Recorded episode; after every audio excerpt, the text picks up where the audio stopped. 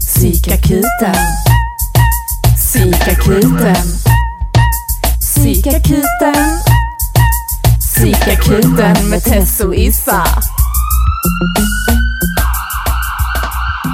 Hej och välkomna till Psykakuten med Tess och Issa. Whip, whip. Yes! Idag är det tisdag. Ja, det är det. Ja. Har du haft en bra start på veckan Tess? Ja, jag har eh, jobbat mycket. Eh, eller mycket, jag, jag jobbar heltid. Men det känns, det är verkligen heltid. Det är heltid. Mm. Jag vill nog inte jobba heltid. Nej, nu eh, de här tre dagarna, måndag, tisdag, onsdag, jobbar jag sju till eh, fyra. Mm. Så det blir eh, upp tidiga morgnar vid halv sex och sen eh, vara på jobbet. Mm. Halv sex. Ja. Oh, den, är, den känns farlig. Måste hinna, alltså när jag går upp så tidigt så gråter mina ögon. Din själ menar du? Fan. Ja men det är roligt, mina ögon liksom rinner så jag behöver så här 20 minuter vakenhet för att de inte får börja sminka mig direkt när jag går upp så rinner allt. För att mina ögon är så trötta så de bara vätskar sig. Ehm, så nej, jag behöver koka kaffe och liksom kolla lite outlander. Jag tycker det är så himla intressant att göra på morgonen. Jag är typ mer så här, går upp så kort tid som möjligt innan jag måste sticka. Typ Ja. så här, pack, lagt mina kläder på ett ställe, tar på mig de stickor. Ja men så är jag också. Ja, okej. Eller jag, jag lägger, Jag bara- fram, jag lägger fram kläderna dagen innan också. Eh, för att inte väcka liksom min sambo och hundarna och så. Väcker man hundarna så är det kört för då vill de gå ut och kissa. Så då är det så här, smyger ut ur sovrummet. och sen eh, sätter jag mig och eh, kokar kaffe är det första jag gör. Och sätter mig och kollar lite serier, dricker kaffe. Och sen så sminkar jag mig och fixar håret och klär på mig. Men det tar ju typ liksom en och en halv timme. Mm. Men jag är ingen eh, frukostmänniska. Nej. Är du det? Nej, nej, nu när jag jobbar hemifrån så brukar jag käka frukost, typ om jag går upp sju, som jag brukar göra, Mm. käka frukost vid typ nio. Ja, precis. Man behöver några timmar liksom. Mm. Så jag brukar sätta på, nu, jag försöker inte dricka kaffe direkt klockan sju, utan jag försöker Mm. typ dricka te. Och sen klockan nio när jag äter frukost, då kan jag dricka kaffe. Ja, ja, Men ja. kanske bara dricka kaffe efter lunch. Jag, vet Mm. inte. jag tänker att min hyperaktivitet hjälps inte av koffein. Så jag försöker tänka på hur det påverkar mig. Liksom. Mm. Idag var det så nice för en av ungdomarna där jag jobbar. Eh, han skulle så här laga äggröra, så här, ja, nu vet jag inte på, jag vet inte vilket land han är ifrån, men det var något så kulturellt, liksom hur man brukar göra ägg. Så han bara, vill ni ha? Så han stod och lagade frukost till alla i personalen och bjöd ja. oss. Och det var vid tolv, så det var perfekt. Åh, så gött. Så då var jag hungrig, så det var nice. Mm. Ehm, Men jag ja. gillar den grejen med typ bara äta ja, men vid lunchtid och sen Mm. typ äta när man kommer hem på middag och sen inte äta mer. Jag tycker Mm. att den är skön. Den Mm. är ändå, jag vet inte, Mm. det fasta eller som vissa kallar det som tänker på Ja, vad de periodisk fasta. gör. Ja. Jag, jag tänkte så, wow, för jag brukar inte käka innan lunch ändå, så då tänkte jag, ah, då har jag min periodiska fasta automatiskt. Men sen fick jag höra att man får inte dricka mjölk i kaffet om man fastar, så då har jag inte hållit den tyvärr. Nej, okej. För det räknas då som att eh, alltså magen jobbar med mjölkproteinet, tyvärr. Jag tänker att det skulle vara samma effekt. Ja. Jag tänker att man inte ska Man vara för hård mot dig själv. Ja, Jag tänker att man, eller så, det jag upplever är att min magsäck blir mindre, jag behöver inte äta lika mycket och sen om du väl är igång så vill Mm. du äta mer och då gör du det. Mm. Men typ anpassa det så att man inte går runt hela dagen och stoppar skit i munnen. Bara Ja. för att man kan. nej, nej, precis. It's dangerous. Det farliga är att jag har börjat snusa så himla mycket nu när jag jobbar. Och särskilt när man jobbar på förmiddagen och man är trött, Mm. så blir det, alltså jag byter hela tiden liksom snus och bara Mm. in med ny, in med ny. Och det, det blir farligt. Jag det tänker- blir dyrt också. Ja, och jag tänker så, om man inte, jag tänker varför man kanske snaskar så mycket är ju för att man inte snusar. Ja. Eller så. Det blir ju som ditt gotte och det är väl det Precis. som också typ så kan hålla ens vikt nere. Eller jag tänker så när jag har slutat snusa, då Mm. har det ju varit att jag har bara velat trycka i mig saker i min mun hela tiden. Ja. Försöker dricka vatten då när den här känslan av snus och suget uppstår. Mm, du är så Ja, typ duktig. så. Du är Fast så... jag har inte slutat så att jag är inte duktig. Men Nej. det jag märkte var att varje gång jag fick en negativ tanke, Mm. då ville jag snusa. När någonting var jobbigt ville jag snusa. Mm. Så det är som en vuxennapp. Ja. Mm. Och då drack jag vatten. Och sen så fick jag ett skitjobb. Och det var jättestressigt. Och då började jag snusa igen. Ja. Mm. Jag gillar ändå mitt jobb, men Ja, snusar ändå. ja. Ja. Vi är olika. Men vi har Ja. diskuterat några gånger att vi en dag, Ska sluta ja. jag. Jag köpte min nya stock snus igår och sa till min sambo, jag måste sluta. Men det är ett steg närmare i alla fall. Ja. Att man har lite insikt i att man borde sluta. Mm. Men eh, ja. Sen så tänker jag så, jag gör ju inget annat så då, Ja, då får man unna sig. Ja. Fast det är ju inte så bra, så nej. Nej. Nej, jag var ute då. Du var ju, jag dansade ju lördags på Ja. eh, inkomst på erotikafton. Du hade ett uppträdande. Ja, det hade jag. Det var så jävla kul. Alltså, jag har aldrig haft en, alltså, en soloshow på det sättet. Alltså, jag känner att jag har blivit, nu är jag beroende. Det är ju så jävla roligt alltså. Ja. Jag tycker det är fantastiskt. Men Ja. i alla fall då gick jag ut och då drack jag, och det har jag inte gjort på jättelänge, alltså mer än typ så två glas vin eller en öl. Och alltså, ågren jag hade på söndagen var helt sjuk. Då tänkte jag, varför gör jag detta? Är det sant? Att Var man du måste unna sig. Ja, och sen så ibland kan jag känna så här, liksom alkoholen gör att du bara wow, wow, wow, wow, wow, och så har du skitmycket endorfiner. Mm. Och sen får du betala priset av det dagen efter. Typ som att balansen finns i det vanliga livet, i det nyktra livet. Så här, jag är medel, liksom. sen går det upp lite men det går inte så djupt ner. Mm, men när jag dricker då blir det jättehögt. Och då faller jag jättelångt ner. Liksom. Alltså jag följer ju där i slutet på din Ja, show. det gjorde du fan, Alltså så alltså. himla sjukt. du blev så himla överrumplad av min dans så att du ja, höll på att jag svimma. svimmade. ja men det var så himla sjukt. Mm. För jag, alltså det var länge sedan jag hade så här blodsockerfall och vi stod och skulle skåla eh, för dig och Eh. gratta dig att du var färdig med showen. Och sen så bara kände jag, Alltså hur det började ringa i öronen. Hur jag, alltså din, din mamma sa till mig sen, för hon följde mig ut ehm, och frågade, vill du att jag ska hjälpa dig ut? Jag bara, ja. jag var rädd att jag skulle trilla liksom. Och då sa hon så, hon bara, ja du var helt blek. Jag bara, var jag? Och då tänkte jag, trots allt smink, brunpuder och allt va? Har du svimmat innan? Eller? Ja, men med dig, kommer du inte ihåg? Kommer du ihåg när vi var på Babel? Ja. Och det, vi, eh, det var så här, jag tror det var vid denna tiden till och med, att de hade öppet en timme extra för klockan ställdes om. Eh, och då, mm, när vi stod där ute med typ eh, några rappare från Lund, ja, i den här parken. ja, vid precis, den, ja, vi ja. skulle ju besluta oss för var vi skulle gå på efterfest. Just det. Och sen så blev jag helt illamående och fick blodsockerfall och jag bara Issa, Issa jag behöver spy, Issa jag mår inte alls bra och du bara kom vi går bort från killarna så att du kan spy typ. Eh, och jag var ju ändå nykter liksom och så. Så det var ju ingen fyllespya. Och medan vi går så svimmar jag Ja. och jag trillar på dig så Issa tar hela fallet. Och när jag vaknar upp från liksom den här attacken så känner jag bara hur det svider som fan. Ni vet när man har trillat och slagit sig och skrapat upp så här ett knä eller liknande så kommer ju, när adrenalinet slutar pumpa så kommer ju smärtan liksom. Och jag känner bara att mitt finger, alltså oj oj oj, det är blod överallt, jag känner hur det svider. Och så, så eh, blundar jag och du bara Tess hur är det, hur är det? Och jag bara jo allt är bra fast jag tror jag skadade mitt finger. Och så höll jag upp handen för dig och bara är det mycket blod? Och du bara så här började asgarva för det var ingenting. Så tittade jag på det så var det så här en pytteliten droppe. Och så kände jag mig som sån jävla drama queen. Underbart. Och du bara så här fångade hela mig. Klart, jag fångar alltid dig. Ja, jag Alltid. landade mjukt. och skönt.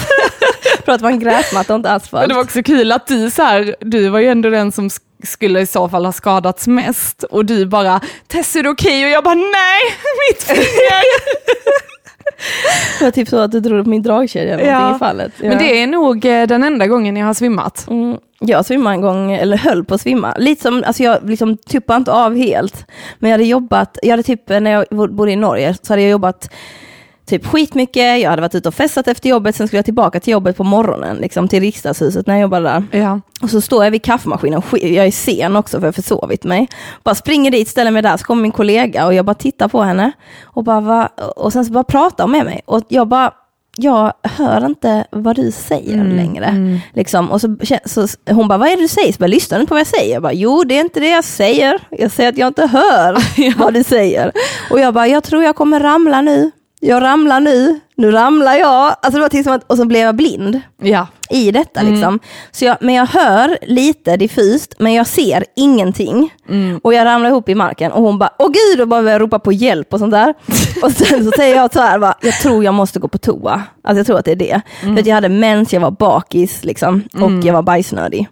Så då sett, så går, jag, går, jag går i blindo in på den här toaletten, hittar toaletten. Vadå, efter du hade svimmat? Ja, men jag svimmar liksom inte, utan jag var typ som att jag Ja, men du var på väg. Ja, men eftersom att jag liksom, hon höll mig vid medvetande och jag var medveten och jag fick sätta mig ner. Liksom, för jag, liksom, hon höll mig i armarna när jag liksom sakta slingade ner mot marken. Ja, ja, ja. Så sa jag, jag måste in på toaletten. Så gick jag in då. Och då satte jag mig på toaletten. Och när första bajsen liksom nuddade vattnet så fick jag tillbaka min syn. Det var helt sjukt. Jag bara what the fuck? Och sen kom jag ut och så är jag helt normal. Alltså så här, som att det inte har hänt. ja. Så, så fort jag bajsade Ja. så var det till som att jag Det är bara... massa gifter som måste ut. det var helt sjukt! Hon bara, är det okej? Jag bara, ja det är helt lugnt. Hon bara, vad hände? Jag bara, Jaha, ska jag berätta nu då för alla hur jag lyckades kurera mig? Du tar din podd istället. Ja, så alla. typ, Exakt. Men, annars alltså- har jag aldrig gjort det. Nej, alltså jag kommer ihåg någon gång när jag var på reumatologen och skulle ta så här blodprov och så, checkup. Och sen så tittade jag när de tog blodprov och jag är inte rädd för blod. Men då började min hörsel försvinna och så jag blev blind också. Och jag bara, jag hör inget, jag ser inget, jag hör inget, jag ser inget. Och som tur var var jag hos läkaren så de bara, okej, lugna dig liksom. Och så lägger de ju en ner så att man ska ligga upp med benen och hit och dit. Ja. Men det, ja, det är fan obehagligt, det är så sjukt hur sinnena kan sluta fungera sådär. Verkligen, de bara, vi har inte tid att jobba med detta, vi behöver fokusera på andra ställen just nu typ. Jag så tänker jag. Ja, och jag tycker det är intressant, kommer du ihåg eh, eh, Poje? Ja. Ja, det är, det är en tjejkompis eh, till mig från, som jag lärde känna i Oslo eh, när vi bodde där. Eh, och hennes eh, mamma skilde sig från si, eh, pappan, nu liksom för, för flera år sedan men i vuxen ålder. Och då var det så sjukt för hon var hon, alltså Poje berättade att hon, mamman alltid var rädd att hon inte skulle klara sig utan sin man. Och när hon skilde sig så bara fick hon någon förlamningssjukdom från ingenstans. Så hon är liksom helkroppsförlamad idag och har massa assistenter som tar hand om henne och hjälper henne med allt. Alltså så himla sjukt. Och där tänker jag också så med den förlamningen, att undra om rädslan för att klara sig själv, typ att kroppen så här framkallade, alltså ja, jag vet inte. Att det typ slår ut henne totalt, ja shit vad spännande. Alltså, jag har ju en bok som heter så här, Kroppen talar till dig. Och det är en bok så står det typ om olika symptom. Eh, så att anle- nu, nu har vi massa läkare som lyssnar på detta också. Men detta är en andlig filosofi helt enkelt. Ja. Men då handlar det om att just de symptomen du får har liksom en anledning med, ja, du kan ju få vilken sjukdom som helst liksom. Ja, om man har genetiska anlag och hit och dit. Men i alla fall. Eh, och där är det också intressant för typ feber. Då står det ofta om att feber handlar om att man eh, känner sig så här hjälp, hjälplös eller maktlös och att man behöver bli omhändertagen. Och ofta handlar det om relationen till sin mamma. Och det har jag också märkt att när jag och min mamma har haft så här dålig relation och så har jag blivit sjuk, då pisslar hon om mig direkt. Och det är så himla intressant ur en psykologisk liksom, aspekt. Verkligen. Hur kroppen, ja, jag vet inte. Nej, men att man behöver mo- moderskärlek. Liksom. Ja. Jag tänker att det kan ju det kan ju uttrycka sig, någon annan kan ju uttrycka samma sak mot en, som om de tar hand om en, men det är väl det så typiskt när man är vuxen och är sjuk. Det är ju liksom, you're on your own. Ja. Jag kommer ihåg den här svininfluensan i Oslo. Alltså helvete. Det var typ det sjukaste jag upplevt i hela mitt liv. Ah. Då var det typ, febern går ju inte ner. Du är varm, kall, varm, kall och du måste gå till, eh, jag ringde och sa, vad fan ska jag göra? De bara, du får komma in till eh, legevakten, alltså vårdcentralen. Ja. Alltså jag kröp på knä, upp på tricken, Ja. satte mig i trappan på tricken, kunde liksom inte gå och sätta mig. Och så kröp jag in och de bara, du måste ha på dig en sån här mask. och jag bara, tittade omkring mig, bara det är ingen annan här. Vi är mitt ute i uppbrottet men det är ingen annan här som har masken. Så jag de lät mig inte behöva ha masken på mig. Jaha. Men var, då kände jag mig väldigt så här, det är ingen som tar hand om mig. Nej. Då hade jag ju till och med en partner. Men det var ju, ja det är ju för jävligt. Det är en annan Ja, men han ville väl inte ha svininfluensan? Ja men den är ju luftburen, så jag menar, men det sjuka var att ingen blev sjuk omkring mig. Ja. bara jag. Men du, det här med mask. Eh, på erotikafton. Jag, var ma- jag tänkte, Ja, jag nej, tänkte nej. på en helt annan mask. nej, nej, nej. nej. Eh, på erotikafton nu när du dansade, Ja. så stod jag i publiken och så ställer sig en man bredvid mig, så här, såg ganska speciell ut. Vet inte om han var en mördare, psykopat eller bara, inte psykopat för de är väl ofta ganska charmiga tänker jag. Ja. Men han var liksom så här, ja men väldigt speciell.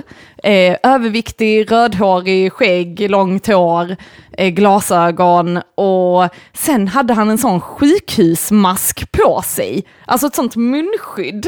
Och så ställde han sig bredvid mig och liksom stirrade verkligen på mig och jag kände bara så, åh, sluta titta på mig. Och sen började han prata med mig.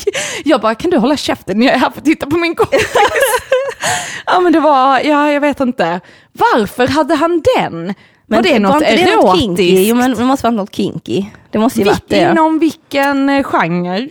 Nej men jag tänker så här labbrock, eh, eh, jag Men vet han hade inte. typ så här, ja men han- lite så här en Han hade vanliga kläder Ja, rutig skjorta som typ Jofi. Det kanske var Ja. Jofi med per, peruk. Men jag tänker kulturellt, han kanske hade levt skitlänge i typ Tokyo. Alltså det är ju skitmånga ställen där folk har på sig dem hela tiden. Ja, Så han kanske bara så här anpassat det till, ja. han Han, vet något som inte vi vet. kanske trodde att jag var asiat och bara hello. hello, hello. Det kanske var alla erotiska dofter han ville undvika. Ja. Ja. Ja men det var skitkul, jag tyckte det var roligt att stå i publiken och titta på dig för att eh, folk visste ju inte att jag kände dig. Ja. Och då var det roligt att titta hur folk reagerade. Hur reagerade de? Berätta! Ja, men bredvid mig var två killar som var i kostym och liksom väldigt välklädda och så här. Ehm, och sen jag ställde min, vi stod liksom i baren och lutade oss mot bardisken. Eh, så till vänster stod de och sen till höger stod han där med creepy munskyddet på sig. Varför ställer du dig i harem av män? Är detta någon slags erotisk... eh, Nej, alltså från början var det inte så mycket män, men sen kom de från ingenstans. Och det var så kul för jag frågade bartender för jag var lite sen. Eh, och direkt när jag kom in så blev jag så, ja det skulle vara på stora scenen, det har inte börjat än, men jag måste kolla om det var du som ska köra där, så jag inte missade det. Och då frågade jag så, vem är det som ska köra här? Och han bara, jag vet inte vad hennes artistnamn är, säger han i baren. Han bara, men det är Isabelle. Jag bara, ja bra. du menar Issa? Ja, då vet jag. Ja. Nej, och de killarna, där var jag lite så, undrar om de är gay eller inte, för de var så himla fancy, liksom så här. Eh, och var med varandra där, så jag vet inte. Eller de kanske var på spaning och jakt, vem vet, efter brudar. Men eh, de, de reagerar ändå bra. Jag tror de runt omkring verkar ändå bli mest imponerade av andra akten. Liksom. Men jag fick alltså rysningar när din kompis spelade på den här uh, cellon. Cello, ja. Ja. Mm. Jag såg föreställningen för er som inte såg den. Jag tänker att ni alla som lyssnar nu har sett den såklart. Men, eh, Ja. ja. Nej, det, det var eh, det är jag, vi är, vi är en, en duo som heter Vibell. Så Hillevi, eh, Hillevi heter hon, spelar cello och jag dansar. Och sen så hade vi lite delar där jag körde dancehall till att hon spelade cello. Mm. Eh, och sen så hade vi en, när jag dansade till techno, liksom. Mm. Och bröt mig igenom en, en, en mur, Mm. liksom. Med en kniv. Fast för jag, jag tyckte det första numret, alltså jag fattade inte, jag är inte så artsy, alltså jag är ju konstnär och så, men jag är inte så artsy när det gäller så här teater och så. Eh, och jag fattade inte riktigt grejen i början. Nej, eh, föreställningen hette ju Bye. Och det betyder ja. Ja. Så vår föreställning handlar om att säga ja till erotiken.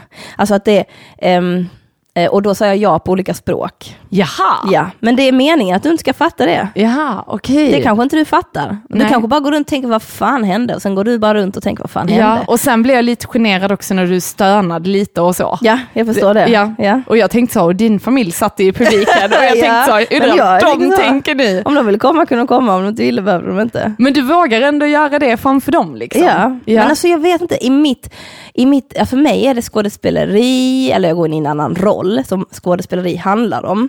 Och att du liksom uttrycker liksom din, för mig är den här, eh, att jag älskar att dansa förföriskt, för mig är, är det så jävla stärkande för mig. Alltså det är jag, åh, jag mår så bra när jag får göra det. Och liksom just det här med typ stönandet var väl mer typ en, en känsla av att jag sa ja. Alltså att hur känner jag när jag säger ja? Alltså när man verkligen vill någonting och säger ja, vad händer i kroppen då? Det är liksom för mig blir det som att allting öppnas upp. Om då den här personen tar emot dig liksom, i, i det här. Och det var ju, jag vet inte hur många människor det var, men x antal människor där inne som tog emot mig, kände jag. Så här, Ja. Alla de här människorna tar emot mig nu. Ja. Så de är ju här för att titta, vill de inte titta kan de gå. Liksom. Men jag är på scen, det var ju bara jag där. Det är så jag hade mitt huvud. Det var jag och sen var det Hillevi och sen var det jag. Det var liksom ingen annan. För man såg ju inte heller ansiktsuttryck för det var så mörkt, vilket var så jävla skönt. Ja, jag förstår det. Sen hade jag ju också på mig en niqab, liksom, så att det var inte som att jag Ja, och syntes. kostym. Stor kostym. Ja. Så det var ju, du var ju inte klädd sådär sexuellt i nej, det första sen, numret. nej, inte första. Nej. Nej. Men tanken var ju där att, Men det var roligt för när hon spelade, för er som inte såg eh, showen live, så när hon spelade på cellon så ställde du dig liksom och rörde rumpan liksom, så här när den lät så här, så gjorde rumpan en viss rörelse och sen när den så började du så här twerka liksom, det var skitkul. Jag började skratta. ja, ja men det var det som var tanken. Jag Ja. tänker också i det, vi ville ju ha ett humoristiskt inslag, för Mm. ero- erotik är rätt humoristiskt liksom. Och just det, när du vågar så kanske du börjar skratta, för att du går in i någonting som Ja. du inte kanske är van vid att gå in i, och då Ja. blir det så, oh my god vad håller jag på med? Skit vad jag håller på med, nu är jag i den här rollen. Liksom. Så det var ju jätte, vi ville ju ha de här olika inslagen. Ja. Ehm, så det, nej, nej, det var skitkul. Men det, jag, för vi diskuterade mycket erotik innan. Liksom. Mm. Och det är nästan farligt att diskutera det för mycket. För att alltså, om man tänker, alltså, erotik kan oftast kopplas på så här, sexiga underkläder. Erot, vad är erotiskt? Liksom? Mm, Erotiskt kan ju också vara sättet någon tar på dig. Det Ja, men det, och det kan ju vara var. olika, för vissa är det bilar, alltså för vissa är det gurkor. Jag vet inte. Ja, men jag tänker just det, där kommer jaget in. ja. Så här, jag måste tycka, jag måste, om, jag, om jag verkligen vill att någon ska bara ta på min nacke, liksom. Mm. om jag verkligen vill att du ska ta på min nacke och så tar du på min nacke och då kan jag känna att det är erotiskt. Äh, alltså nu, nu menar jag, ja, jag Mm. Våra massagekvällar kommer ju vara, inte alls vara likadana efter detta. Nej men det är kul också det här med typ, jag kommer inte ihåg, det var någon gång vi hade massagekväll i typ början av september. Ja. Och du tog på mig och jag var kittlig och det brukar inte jag vara. Nej. Men då var det just den här avsaknaden av fysisk kontakt som jag inte hade haft på flera månader. Alltså just den här att någon tar i din kropp. Sen behöver inte det betyda att jag satt där och eh, tyckte att det var erotiskt. Men just Tinglade den, till. Ja, men ja, cause nobody's touching me. och just det då, alltså jag brukar ju ta på mig själv då för att det, det måste finnas någonting, något, någon som gör det eller något som gör det. Sen finns det ju olika typer av touch såklart. Liksom. Men, Men det är väldigt intressant, för jag kan känna så, jag har en tjejkompis som brukar ta på mig ganska mycket, alltså vi är ju bara vänner, men hon är väldigt så, ja men hon kan ändå ta på mig. Och då känner jag mig också alltid kittlig liksom, men om min kille tar på mig, då kittlas det aldrig. Eh, och, men han kan också ha, om jag tar på honom, att han tycker det killas liksom eller så. Eh, någon gång har det hänt att jag har känt så, men jag vet inte varför det har varit. Tror du det är avsaknad då att vi inte har rört varandra på länge? Jag tror det. Alltså jag, jag Moa bodde i Skövde och jag typ inte kände någon. Och jag vill ju inleda de här fysiska relationerna som jag alltid gör. För jag tycker det är en bara, viktig del av vänskap. Vem ska bli min massagepart? alltså, verkligen. Jag skaffade ju en efter Var du otrogen mot mig? Vad fyra månader. jag kunde inte hålla mig längre. Nej men då kommer jag ihåg att jag satt typ i, på i lektionssal eller någonting och så var det någon som gick förbi och satte sin hand på min axel och hela min kropp bara Och jag bara shit vad jag behöver fysisk beröring, det här är inte okej liksom. Så då var det en tjej som jag lärde känna eh, som, eh, det hände någonting med hennes boende så hon flyttade in hos mig en månad. Och då initierade jag detta, så jag typ så här började lite sakta så här. Eh, kan inte du killa mig lite på min arm? Och hon tittade på mig och bara, va? Och jag bara, ja men, bara killa mig lite på armen. Så jag bara, det är helt normalt. Bara, bara killa lite. Så fick jag henne att göra det för att jag hade spanat in hennes naglar länge och tänkte, de ser sköna ut. De vill jag känna. Och sen liksom gav jag tillbaka och sen så märkte jag att hon, hon, tyck, hon tyckte ju att det var skönt. Liksom. Och sen successivt så etablerades detta till att jag liksom så här, jag var kan du killa mig på ryggen? Och det hon bara tänkte okej, och jag helt plötsligt slänger av mig alla mina kläder och lägger mig över hennes knä och hon bara okej. Ja, och sen så typ så, ja men nu känns det så helt normalt, nu gör vi det när vi ses. Det är liksom det som du och jag, alltså det är så jävla gött. Ja. Och jag kommer ihåg hennes mamma kallade mig för, för, för nudisten. För att hon, hon berättade för mig då, eller hon har berättat för sin mamma vad vi gjorde. Ja. Liksom, och hon trodde ju typ att jag försökte konvertera Förföra. henne till lesbianhood eller ja, någonting. Jag liksom. förföra Ja, hennes ja. dotter. Ja. Men var hennes naglar lika bra som mina? Det är Eh, den viktiga Två frågan. helt här. olika touches. Liksom. Det är två helt olika, ni är jättebra. Jag vet inte Ja. vad vi ska säga om detta. ja, ja, Ska ja. du säga det bättre, precis som din andra kompis som tar på dig. Ja. Jag tar inte ens på dig så mycket. Men jag Kanske- sa att jag inte gillade det. Nej, okej. Ja, nej, jag tycker om, men jag, jag är nog mer av en massagemänniska än en killmänniska. Mm. Ja, faktiskt. Eh, och jag tycker inte om när man killar längs sidorna. Alltså när det börjar Ja, närma ja. sig brösten. Typ under armhålan till höften. Ja. Du är ju mer så, killar mig i armhålan. Typ. Ja, ja, ja. Okej, alltså jag vill, alltså jag bara, det jag känner typ, alltså jag vet att det finns ett ställe i Zürich som har öppnat nu, Mm. där man kan gå och bli killad, helkroppskillad. Alltså det är liksom, my fantasy. Jag vill bara lägga mig på sån här naken på en massagebänk och någon med så här perfekt långa naglar med den bästa touchen ever, bara killar mig över hela min kropp. Alltså, alltså det, en gång i veckan så. Men ser man måste också något- mena det. Men du ser inte det som något erotiskt liksom? Nej, Nej. nej. Men du inte. var ju på någon festival. Ja. Kan inte du berätta om det? För det tyckte jag, det var ju speciellt. Det var väl lite... Det med oljan och nakna. Ja, alltså det är så galet. Ja. Ja. Alltså jag, jag var på en, en eh, co-creation fest, man säger. Alltså alla, alla kommer dit och skapar grejer. Eh, och eh, vi, jag stod, i kö, eller jag var, var någonstans och sa någon så, ah, men det finns, en, eh, det finns en plats kvar på den här workshopen, så var jag där med en polare och, jag, och båda två bara, vill du gå eller ska jag gå? För vi bara, vi måste testa lite nya saker. Ja. Så, då, eh, så, så till slut bara, hon bara, men går du Isabel? Jag bara, okej. Så först de bara, ja ta av dig alla dina kläder. Och jag bara, okej, alltså jag har inget problem med att vara naken. Jag har aldrig haft problem med det. Så jag, jag tar mig alla mina kläder, sen säger de, du kan ställa dig i kö. Så står jag i kö där med 20 andra nakna människor. Men alltså vad gjorde, vad gjorde man med kläderna? Vi bara la dem någonstans. Ja okej. Alltså det, på de här co-creation grejerna så är det ingen som tar någonting. Alla, Alltså jag alla tänker så, vet- du är ändå jude liksom. Var du inte lite rädd? Sk- vad skulle det helt? Va? Vad har det med judiska påbrå att göra? Kommer rabbinen förbi nu så är jag körd. jag tänkte vad där står ni nakna människor i led på väg någonstans. Jaha, oh Ja. my god! Tess! Fy fan! Nej, nej, nej. Bara, gud, Jag gud, jag kopplar inte alls det. Gud vad trög jag är. Ja, ja, ja. Ja. Och fy fan, nu kan Ja. jag ja. alla kläder och ställa i kö. Ja. Ja. Eh, jag stod vid där, och sen så kom vi fram och så tvättade de mina fötter när jag kom, eh, innan jag gick in i det här tältet. Okej, ja. Så man skulle vara ren när man kom in. ja. Eh, så då gick jag in i tältet och så stod alla där då, eh, nakna. Och eh, så ser jag att en kille, han mår riktigt dåligt. Alltså han har panik. Jag ser hur hela han, och jag är, alltså när jag är naken så är det som att jag har kläder på mig. Jag Ja. tänker inte liksom. Nej. Eh, så jag går fram till honom och försöker avleda honom och bara, hej! Eh? Kommer, kommer Issa med sin snygga kropp, den här killen blir helt vettskrämd. jag tänker inte att jag är naken, jag bara, här är vi, här är vi, vi bara är här. Ehm, liksom. Eh, så jag fick väl trösta honom med att säga att jag har aldrig gjort det här, jag har ingen aning vad som ska hända. Liksom. Så jag, har inte, jag, har inte, jag har inte hört något om den här workshopen och inte gjort någonting. Ja, så du visste inte ens vad det Nej, jag var? hade ingen aning om vad jag gav mig in på. Så vi går in i det här rummet och det är helt plastat från topp till tå. Så det är liksom i så här eh, pre- presenningsmaterial. Ja. Och så får vi ställa oss i ring och sen så berättar de då för oss att det här är någonting som är icke-sexuellt, liksom man måste hålla händerna för sig själv, eh, det är ingenting eh, som har med sex att göra överhuvudtaget, utan det handlar om att, att liksom bara uppleva sig själv kroppsligt, men inte på ett sexuellt plan. Ja, hur många människor var ni? 25 kanske? Oh, jävlar! Ja, har många. Mm. Så, var det, så först hade vi en övning med consent, så var det att man skulle gå runt och säga nej. Mm. Eh, och titta på varandra och på olika sätt säga nej. Titta in i varandras ögon och säga nej. Så vi visste liksom vad förutsättningarna var så att man kan avbryta när man vill. Mm. Och sen gjorde vi den bästa saken som jag upplevt i hela mitt liv. Då körde vi fjärilen och trädet. Vad är det? Eh, då fick man en ögonbindel om man var trädet. Ja. Eh, och eh, då stod man med ögonbindel. Var en trädet bara? Eh, hälften av gruppen var trädet, hälften av gruppen var fjärilar. Ja. Så hälften av gruppen hade ögonbindlar och stod stilla. Och fjärilarna skulle gå runt och ta på träden.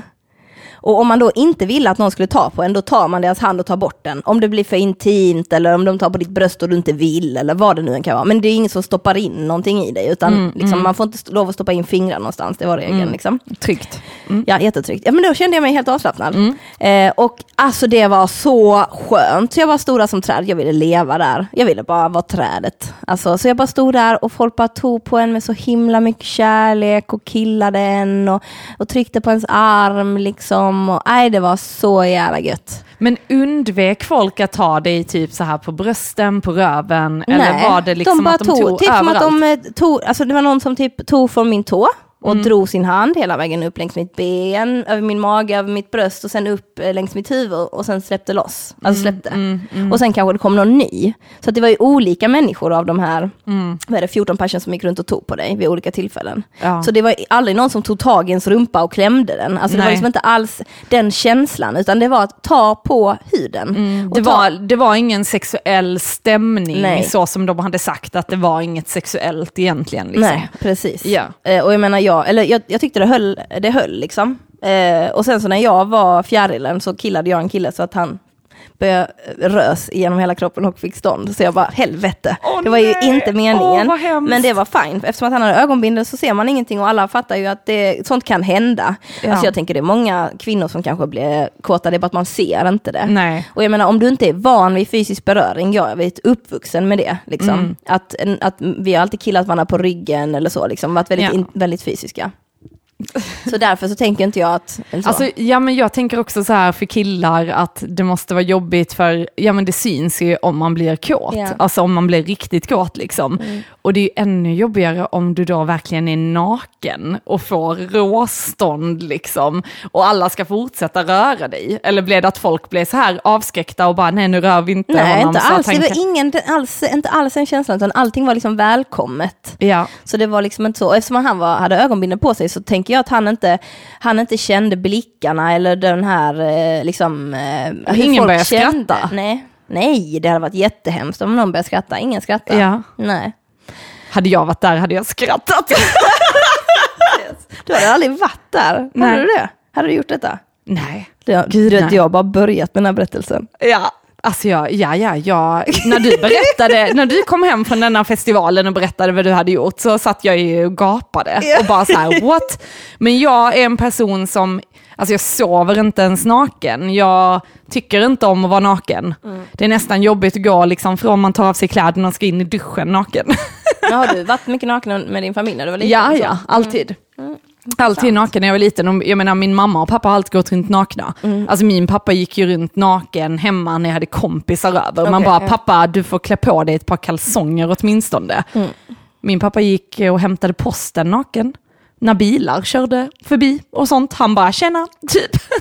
ja, så jo, vi har varit mycket nakna, men eh, Kanske fått bakslag. ja, kanske. Ja, mina föräldrar var inte så nakna. Eller så. Men sen har jag också varit nakna. tjock och det kan vara en sån grej, att jag inte har tyckt om min kropp för att jag har varit tjock. Ja. Ja, det kan vara något sånt. Alltså, Jag har alltid skämts över min kropp.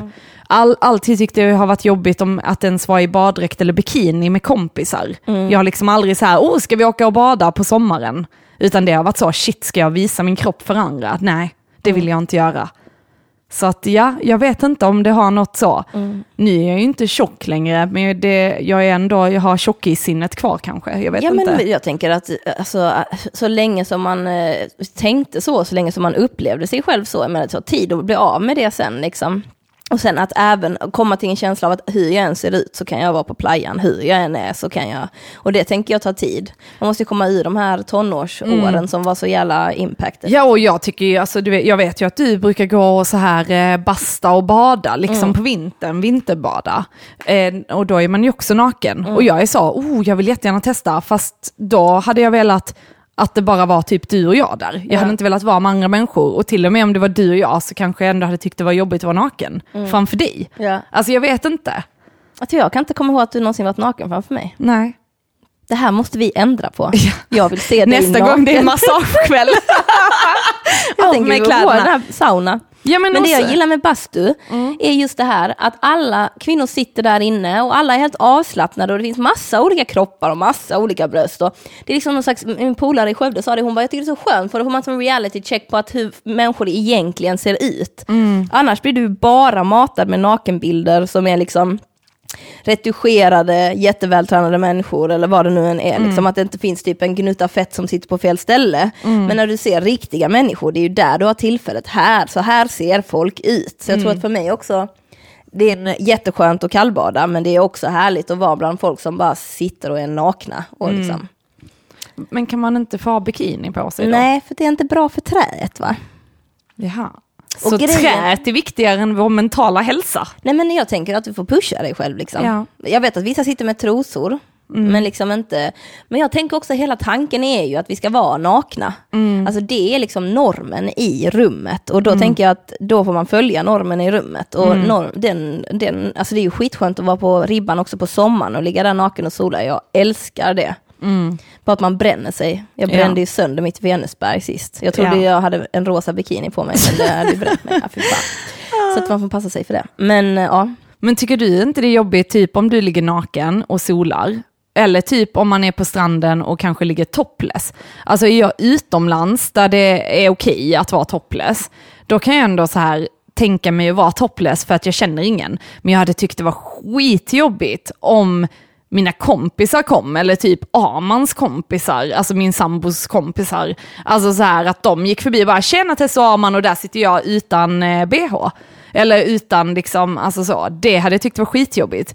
Men jag vet att till exempel våra föräldrar, jag vet inte, 80-talet, Ja. men alltså de solar ju topless alltid. Min mamma har jättemånga fotoalbum där de, alltså mina mammas kompisar, pappa och pappas kompisar, alla sitter ihop och alla tjejer är topless. Och det är inget konstigt. Medan nu är det så, jag bara, what? Då har ju min pappa sett min mammas kompisars bröst. Eller fattar du? Jag kan ju känna så. Alltså jag hade nog tyckt det var jobbigt och, om du hade varit topless och jag och min kille hade kommit. Alltså för att, ja, det är Men- inget som folk gör. Typ. men jag tänker att brösten sexu- har sexualiserats sen våra föräldrar var yngre. Ja. Alltså innan var ju inte brösten sexualiserade på det sättet. Jag tänker typ som Pamela Anderson, alltså när silikon kom, då blev det liksom så här, brösten skulle också vara sexualiserade. 90-talet, ja. Nu är det ju Mm. så här, alltså bröst, vad är det egentligen? Alltså det är ett sätt att mata avkomman. Det är ju inte, alltså jag tror att vi har skapat en bild av att bröst är något sexuellt. Mm. Jag kommer ihåg, ja, men jag tror min syrra snackade om det i lördags, liksom, för det var många som gick runt på erotikafton topless och hon bara, ja, är bröst erotiska för henne? Alltså hon har fått få barn och hon har aldrig tänkt att bröst är erotiska på det sättet. Liksom. Men att på erotikafton så användes bröst som erotik.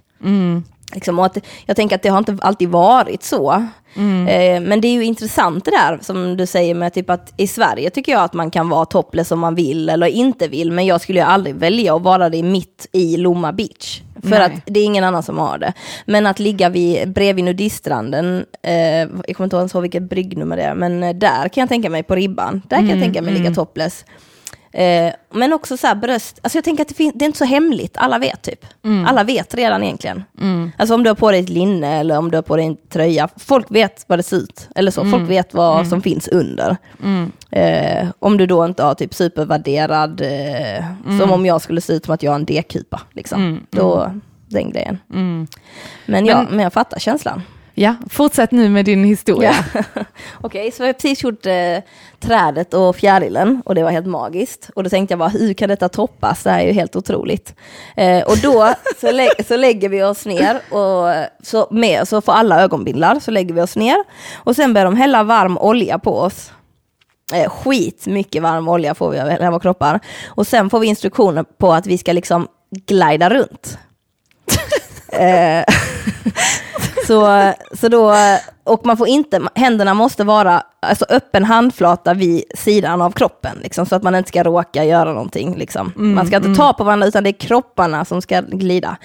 Så vi bara glider runt där, det är rätt svårt att röra sig, det är så Ja, det jävla halt. Ja, så att man liksom försöker orma sig som en, som en, liksom en fisk som har kommit upp på land. Så, så från början låg ni liksom med avstånd från varandra? Nej, nej, alltså vi ligger relativt nära, vi är ju rätt många människor i ett litet rum. Liksom. Ja, men Eh. var det liksom att ni låg på hög? Nej, inte på hög. Nej. Nej. Alltså vi låg alltså, kanske 10 centimeter från varandra. Ja okej. Håll. Och sen var det så, börja åla så Ja. hoppar ni omkring som små sälar Ja, liksom. ja. Så bara liksom ligger man längs marken och så puttar man sig fram med benen och så möter man en kropp och så, så utforskar man den kroppen genom att dra sig mot den och så "Åh, med det här och så tänker jag, eller så var jag bara så, åh det här måste vara en kvinna, nej, så himla len och så lalala. Och sen hamnade jag i världens sjukaste jävla spiralgrej med någon, det var så jävla fett, för de hade musik samtidigt. Och han och jag, eller det var en man så, när jag tar med ögonbrynen förstår jag det. Vi fick någon takt ihop som var helt otrolig. Så att vi typ så gled i symbios i olja. Ja, Det var så jävla coolt. eh, och sen efter detta då så skulle vi ta av oss ögonbindlarna. Och eh, sen så skulle vi göra, sen skulle vi fortsätta.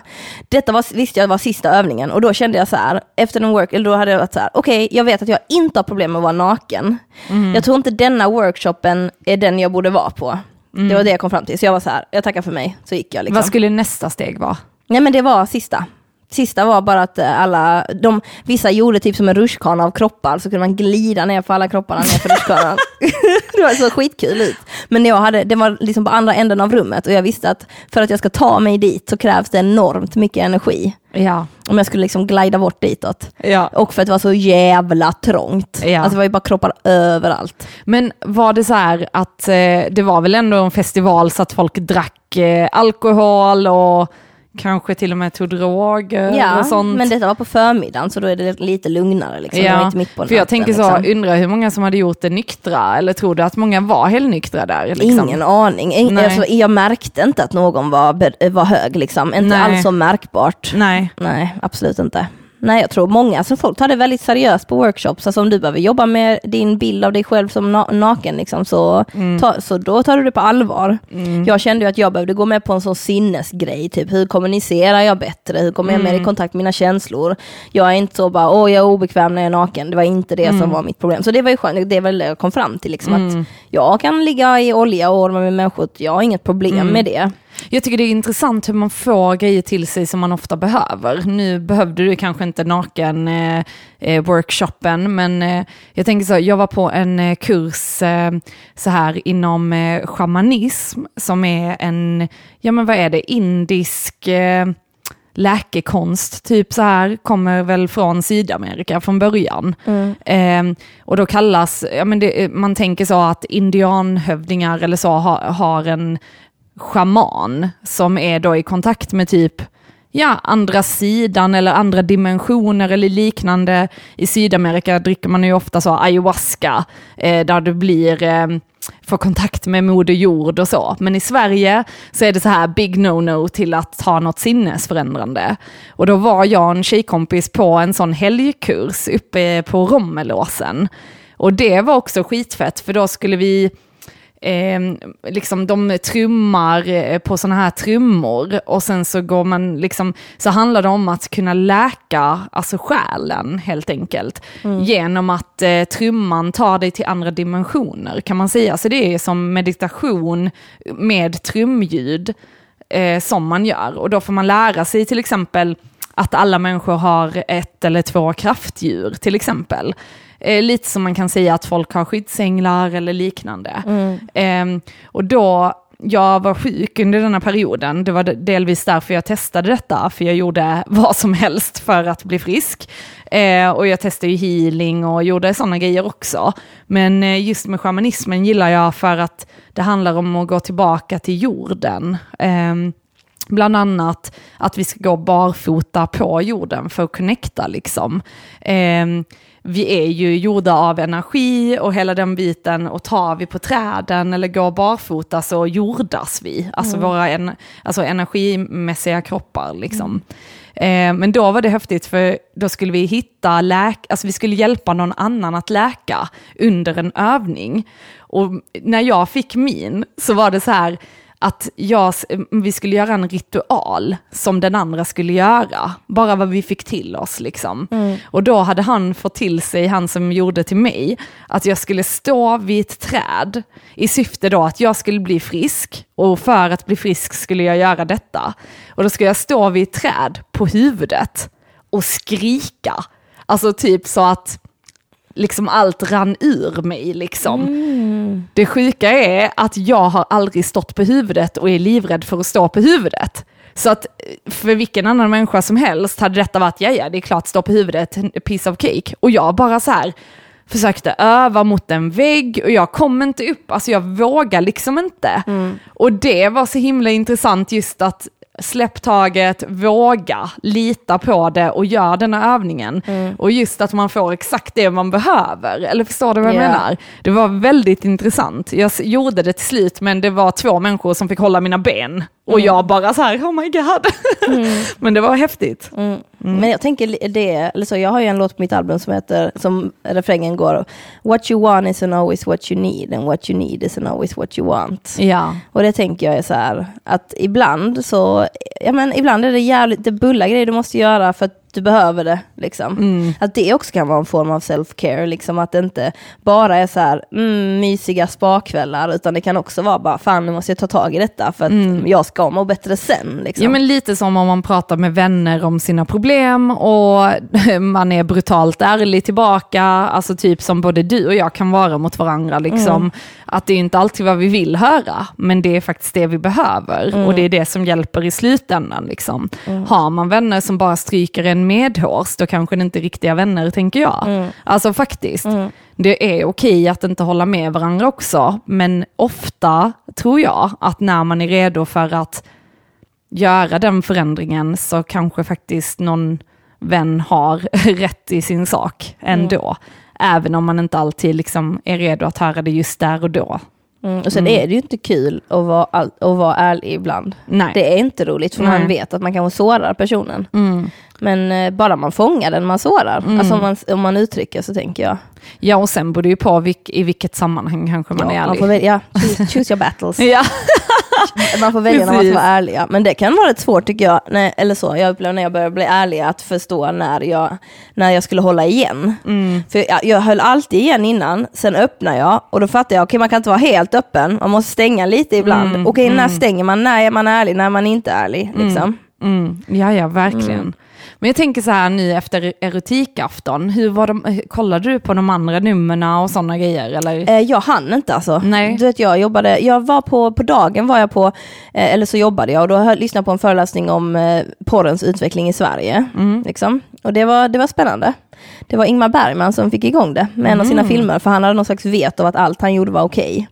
Så han hade någon film, typ 69, tror jag det var, eller 67, där det var två kvinnor som hånglade och Eh, och, eller så de anspelades på att de var homo, homosexuella och sen var det lite kärleks, alltså erotiska scener och då var folk så, vad fan, om Ingmar Bergman får måste ju vi andra få.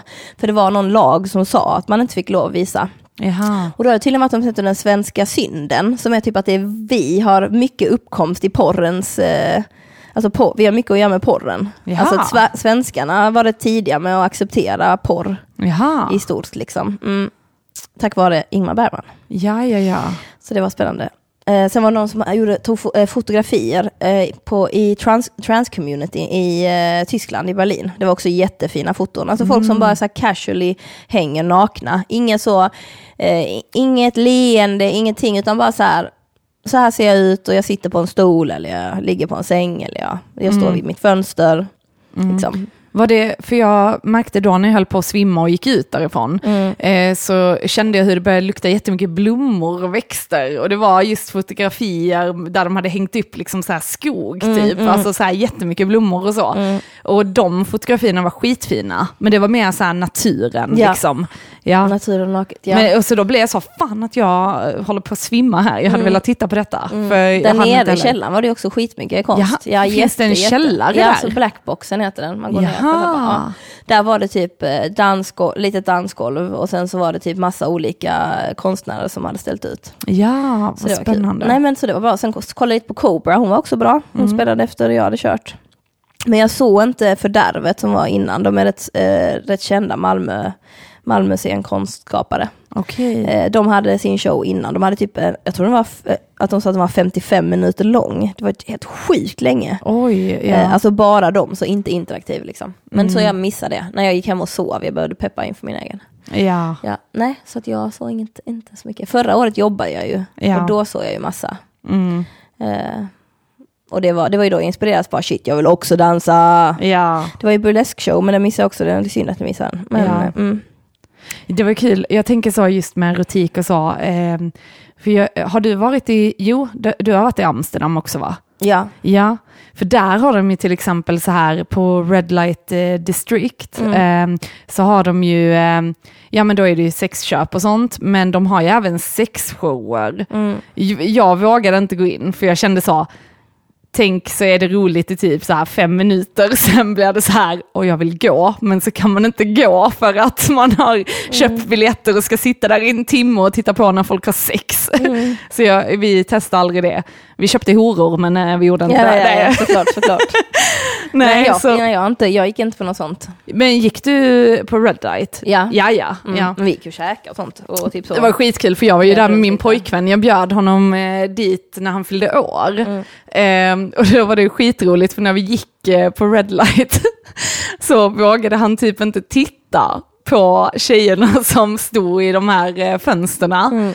Och jag var så här, "Men hallå älskling, vi är ju här för att titta. Ja. Och han bara, hehe, ja.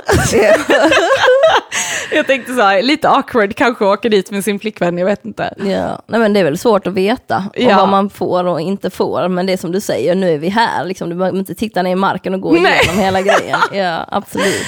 Ja men det var en sjukt häftig upplevelse, Mm. alltså det är roligt. Men vad tänker du kring det här då? Om erotik handlar om att säga ja, det är som jag beskrev. Liksom. Känner du, eller vad tänker du kring erotik? Vad Ja men poppar upp i jag, ditt huvud? Ja, men jag tänk, alltså, nu när du sa det så tänkte jag så, 50 shades of grey. men det är ju, jag, jag har inte läst böckerna eller så. Outlander. ja. ja, du och jag har ju blivit helt, jag kollar om det nu, alltihopa. Är gött. Och eh, jag och Issa kollar på Outlander och eh, det är väldigt mycket erotik där faktiskt. Och det är roligt, Arman bara så här, för jag har ju berättat för honom om denna serien. Och sen så när han sätter jag på det och har det igång liksom. Och han bara, alltså är det sexscen i varje scen eller vad händer? För att eh, ja, det är mycket sex i början i säsong ett. Men eh, ja, nej men jag tänker nog, eh, ja men lite mer, Ja men jag vet inte. Alltså jag, jag tänker nog liksom så här sexiga underkläder och lite liksom kinky, alltså lite så här, ja men nätstrumpor och lack och hit och dit. Alltså nu, nu går ju folk typ klädda, alltså jag tänker så, folk går ju typ klädda i hela sådana här nätstrumpedressar och grejer nu, alltså till liksom vardags. Alltså det har ju blivit lite så här, jag vet inte, men jag tänker nog erotiskt liksom att, oh ja, men en hel kroppsstrumpa i nät, det är ju väldigt erotiskt liksom. Ehm, ja, och sen porr tänker jag också erotiskt. Beroende på vilken kanske, jag vet inte. Ja men då tänker jag så vad man själv anser såklart. Ja, precis. vad som är erotiskt. Ja, Mm. ehm, Jag tycker lite spännande med det med, eller så att, er, alltså erotiken kring att någon är påklädd liksom. Alltså Mm. att bara, att det kan vara någonting som är väldigt, väldigt liksom erotiskt i det. Att man inte vet. mm. Jag har ingen aning om hur det ser ut under, men jag vill veta det liksom. ja nej, det tänker jag typ inte erotiskt alls. Nej. Men jag tycker, att det, jag, tycker, jag tycker det kan vara lite hemlighetsfullt ibland. Att det är lite sådär du inte riktigt vet. Mm. Men kommer du ihåg vår lärare, tror jag det var, som sa det? Eh, att det var något när vi pluggade teater på gymnasiet. Så var det ju någonting, kommer du ihåg den här, att det var en kvinna som hade liksom en lång vit handske. Och så tog hon av den handsken i film. För detta var ju då scenkonst eller historia med film och så. Eh, eller den här klassiska att man lyfte på kjolen och visade lite av benet. Alltså att det var ju så här sjukt erotiskt förr. Idag är det folk går nakna och det är ändå inte, eller alltså ja. Mm. Men det, är erotik då en känsla som du kan utstråla? För det var det jag kände när jag dansade så här. När jag dansade så kände jag i hela min kropp att jag bara är så jävla attraktiv. Liksom mot hela världen. Hela världen är min. Liksom. Och jag bara... Och det liksom, jag äger er allihopa. För mig var den den känslan som jag liksom, i förförelsen. Det är väl den jag kommer tillbaka till, erotik i förförelse. och där är det intressant, för jag tänker när du hade kostym på dig, då såg jag inte det som så erotiskt, då såg jag det mer som roligt. Ja. Men när du kom ut sen, när du, när du dansade bakom, du hade en vit eh, sån här vägg med skynk, eh, så man bara såg silhuett, eh, silhuetten, det var en lampa bakom dig, så man såg din silhuett när du dansade. Det var väldigt erotiskt. Och sen när du tog dig ut där så var du ju väldigt lättklädd. Och då var det också erotiskt. Men jag tänker överlag, alltså om du och jag går ut och dansar, jag tycker alltid att du är väldigt erotisk när du dansar. Medan till exempel om jag dansar så känner jag mig mer så här, "Haha, jag kan inte dansa, detta är löjligt. Eller fattar du vad Ja, jag men menar? då tänker jag att det handlar om en känsla, om Ja. en grundkänsla. Ja. Liksom. Och eh, att man kan slå av och på den. Mm. Liksom. Men det handlar väl lite om det här med också, alltså just det här med sexuell energi tänker jag. Alltså så här, ja men kollar man på magdans så tycker jag också det är väldigt erotiskt. Alltså för att de som dansar det tar ju fram den här, alltså ja. Mm. Jag tänker också erotiken kring skarpa och mjuka rörelser. Mm. Till exempel. Alltså om man dansar roboten, den känns ju inte supererotisk. Nej, Alltså nej. då börjar man skratta kanske om någon skulle jucka i robotgrej. Liksom. Ja, det skulle vara lite kul. Men jag tänker så här, i, det var det jag tänker mycket så här, erotiken i hur jag dansar är ofta mjuka rörelser. Och jag är så stel så det är där det faller för mig. Det är roboten hela tiden. Ja, och då tänker jag om du känner det, om Ja. du känner så, Ja, att du, för att du skulle kunna vara mjuk, men då får det gå långsammare. Liksom. Och att för mig handlar det om liksom just den här mjuka rörelsen, där folk följer med dig. De kan hänga med i din rörelse. ja, Det blir en cirkel, det blir upp och ner, det blir liksom, eh, ja, det är skitkul. ja. Det är så jävla roligt. Hur kan det vara så kul? Med dans eller erotik? Ja, båda delat förförelsen i det liksom, eller så. Ja, Mm, Men jag tänker så här, eh, man kan ju också använda erotik eh, för att få det man vill ha. mm, Eh, jag tänker typ som förförelse. ja. Så här, det fattade inte jag förrän mycket senare i mitt liv, att jag kunde typ förföra människor. Sen kan man kalla det för manipulation också. Men nu Beroende på hur man ser det. Nej men typ så här, vi säger att jag vill komma in och inte stå i kö. Mm, när jag bodde i New York. Eller att jag, eh, jag, det, är något, det är något jag vill ha. mm, Och, och jag kan utstråla till en person, oftast då en kille, liksom, eller en man. Att jag utstrålar någonting till honom som får honom att tro att jag vill säga ja till någonting. För att få det jag vill ha och sen så stänger jag det. Ja. Alltså liksom att den är skit, och, och leka med olika roller. Det behöver inte heller bara vara erotiska. Utan Nej. det kan vara så här, hur, om jag gör så här, vad får jag för gensvar då? Eller om jag beter mig så här liksom. mm, Att leka med det lite. Jag tänker man gör nog mycket omedvetet när man är tonåring. Ah Mm. shit, om jag beter mig så så händer detta liksom. mm.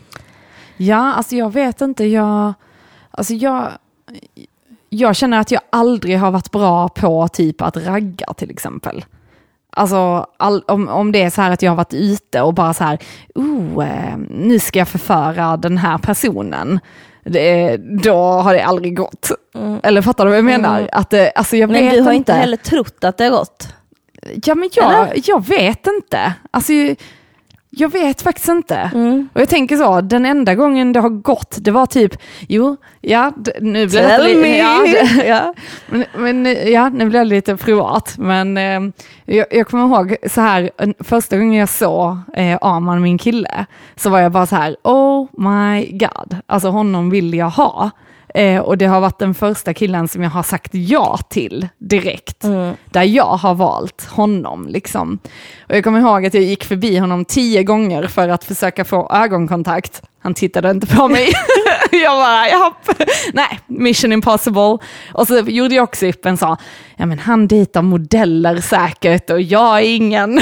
och hela den biten.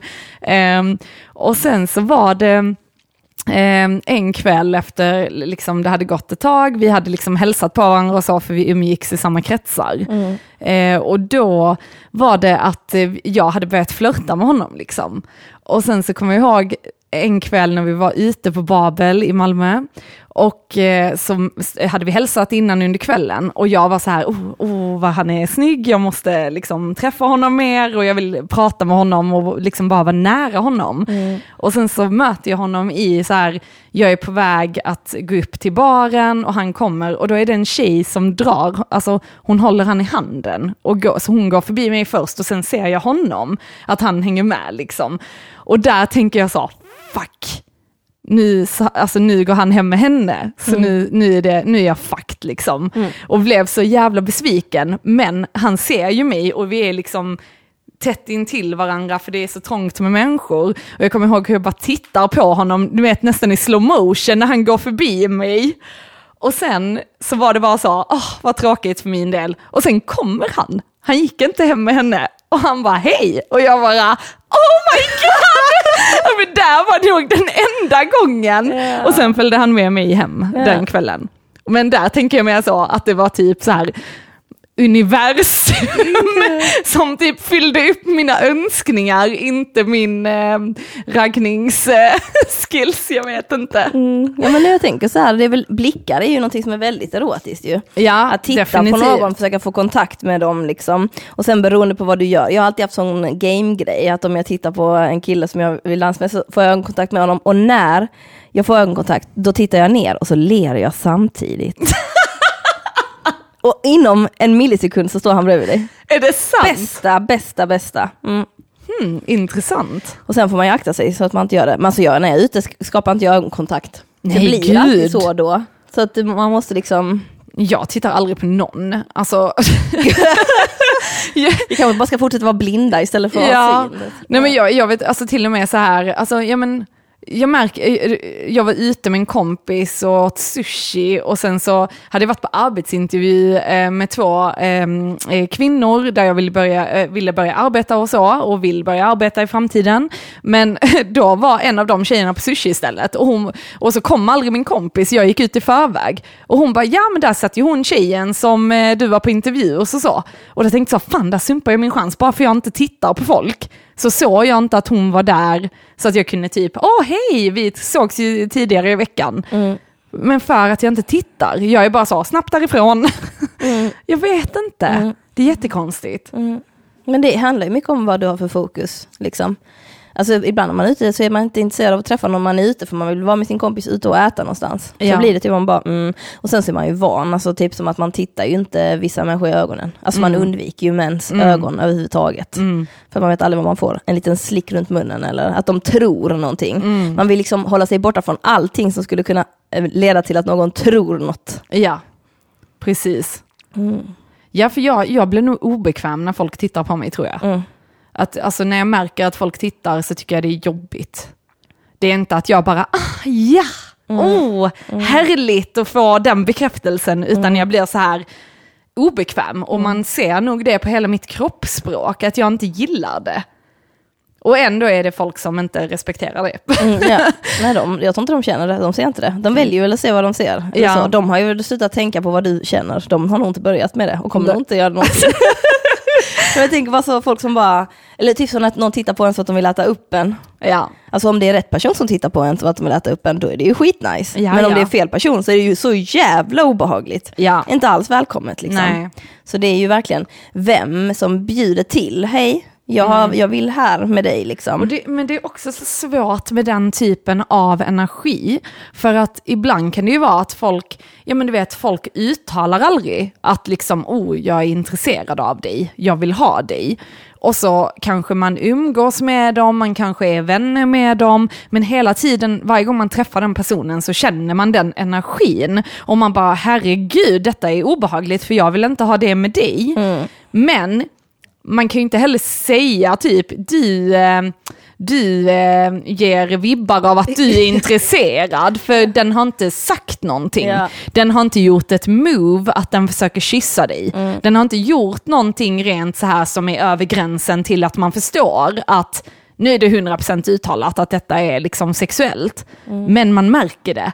Och den gränsen är så svår, för där, det kan ju hända med både liksom killar och tjejer, att man märker liksom så här, men Och, och skulle man då konfrontera typ så killen till exempel, ja men är du intresserad av mig eller vad är grejen? Så kan de bara, nej, nej det är jag inte alls. Så man bara, nej okej men sluta håll på med detta du gör då. Mm. Eller liksom så. Tror att de kan smitta en typ. Ja, Men jag tänker att det är en anledning till varför du och jag inte har killkompisar. ja. Vadå, jag har en killkompis. Vem? Timor. Ja. Jag, bara, jag säger inte att ni inte är kompisar men ni umgås liksom inte som du och jag Nej. gör. Nej, Jag inte menar längre. det så här, Ja. en relation som du och jag har, har inte vi med män. Nej, Jag har inte det längre. nej. För att det, är inte, det har inte funkat. Det Nej. är som du säger, de ligger i körvattnet och väntar på när man är svag, sen hoppar de på en typ. Nej men att det bara är, det funkar liksom inte. Nej. Det är ingenting som, eh, man kan tro och hoppas liksom, men efter, eh, ja, efter många år känner jag att det inte är Mm. möjligt. Alltså det funkar ju typ om man har pojkvän och man hänger med sin pojkväns kompisar. Ja men och han är För där. de har ju sån eh, ja. bro-code liksom, Ja. don't touch. Så då blir det ju verkligen liksom Mm, platoniskt. Eller Usch. heter det platoniskt om det blir, jag tror det. eller? Ja, icke-sexuellt. Ja, precis. Men det är typ som att de har stängt av den delen av sig själva. Ja, precis. Mm, Alltså verkligen. Mm. Så därför kan jag bli så förvånad när man får höra om folk som så här, ja men typ, åh, hennes bästa tjejkompis och, ehm, och pojkvän huckade, eller så. Eller typ hans bästa kompis och flickvän. Man bara, va? Men det förbjudna är ju så erotiskt. Men har du, har du känt någon som har varit med om det? Att ens bästa kompis har blivit tillsammans med typ ens... Eh, Alltså jag har hört om det men ingen i min ja, närvaro. jag har också hört om det. Frågan är, Ja. är det sant? Ja, ja, Ja, ja, klart det har hänt att folk, folk snor varandras partners. Och sen tänker jag, men det är väl bara bra, de skulle väl vara tillsammans. Ja, jag tänker också Alltså- så. Ja. Men jag tänker att det är också något som är otroligt sexigt, eller så, erotiskt, att det förbjudna. Mm. Det jag inte får. Alltså det har varit någon gång när jag varit i relation, när jag har träffat någon av eh, mina partners kompisar, detta tyder ju på att jag inte var kär i mina partners. Ehm, eh, att jag har varit, eh, alltså jag har bara, oh, alltså det händer något i min kropp, jag hälsar på personen och bara, oh my god. Är det Liksom, sant? vem är det här? Och, och jag får inte, och ska jag sitta där och prata med den här personen och hela min kropp är liksom i full laddning av, inte sexuellt Isabel, inget sexuellt liksom. Och Mm. jag sitter där och bara känner, oh my god det är så himla sexigt för att det är så förbjudet. Liksom. Ja. Men så är det typ en arbetskollega till exempel. Mm. Man jobbar nära varandra och så. Den ena kanske, man kanske båda två har partners, men man har någon slags så här grej mellan sig. Men man är också, om man är äldre så fattar man ju att sekunden man skulle göra något så försvinner den, eh, Ja. den magin. Mm, mm. Så man kan få njuta av den lite tycker jag. Så här, ha det lite kul och flörta lite on the undertone. Men vi båda två vet, så länge båda två vet. Men så fort vi skulle göra något så skulle allting försvinna. Mm, mm, Så det är också en del av det, är att det inte får röras liksom. mm, ja.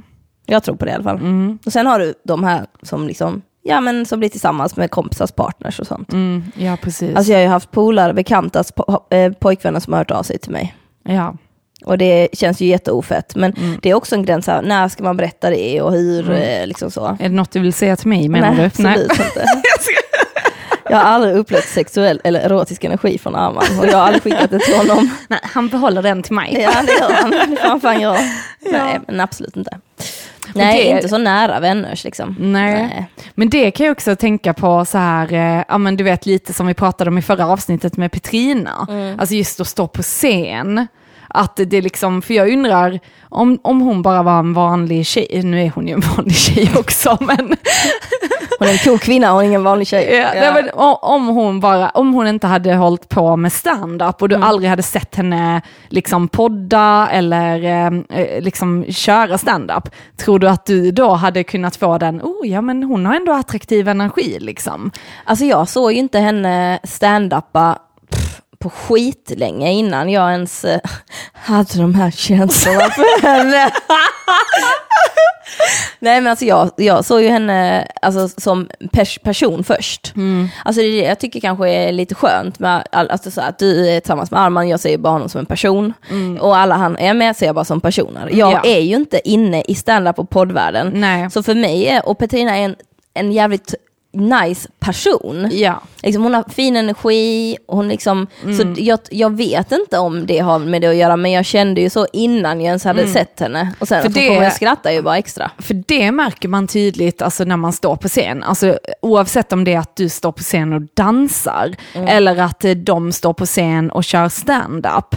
Men just, det är ju sexigt när någon är rolig. Alltså, Och är bra på någonting överhuvudtaget. Ja, Ja. precis. Att någon liksom brinner för någonting. Alltså, det är ju väldigt attraktivt anser jag i Mm. Ja, alla ja, fall. men det tror jag man, folk dras till. Alltså Ja. när du gör någonting som du är bra på, då tittar ju alla på dig. Så det är ju det man får välja, vad man vill att folk ska titta på en när man gör. Liksom. Ja. Jag har med så, jag har målat en tavla, titta på den. Jag hade faktiskt en på erotikafton som var en, en tjej som började lägga upp videos på Instagram när hon målar och sen så började hon, så började hon kolla kommentarerna och då kommenterar alla på hennes kropp. Va? Och på typ sättet hon rör på sin kropp. Och först blev hon skitirriterad och sen så bara anammar hon det. Jaha. Så hon, hon målade live under kvällen liksom. Ja. Ehm, och det tänker jag är sån eh, att, okej man kan inte styra vad folk fokuserar på. Nej. Liksom. Jag kanske inte, jag menar hälften, okej om jag är ute och dansar på Babel så är det inte eh, kanske en procent som tänker vad bra hon är på att whina, resten tänker ju kanske någonting helt annat när de tittar på mig. För mig är det att jag har bemästrat att rulla på mina höfter. Det handlar inte om att jag har bemästrat att se sexig ut eller, eller erotisk eller vad det nu än är som jag uppfattar som. Eh, Så det är det jag, så när jag tittar på någon som är, dansar sensuellt, då tänker jag, oh gud vilka linjer, eller åh vad vig den är, eller wow, den där snurren vill jag testa. Alltså Ja. jag ser det på ett annat sätt för att jag är Precis. i det. Precis. Och det är det jag menar, typ så, om man är ute och dansar och det kan bli skithett, typ som när jag och min polare var på Kuba och vi dansar salsaklubb. Så jävla svettig erotisk stämning i de här källarna liksom. Men det är i, fixerad i dansen. Mm.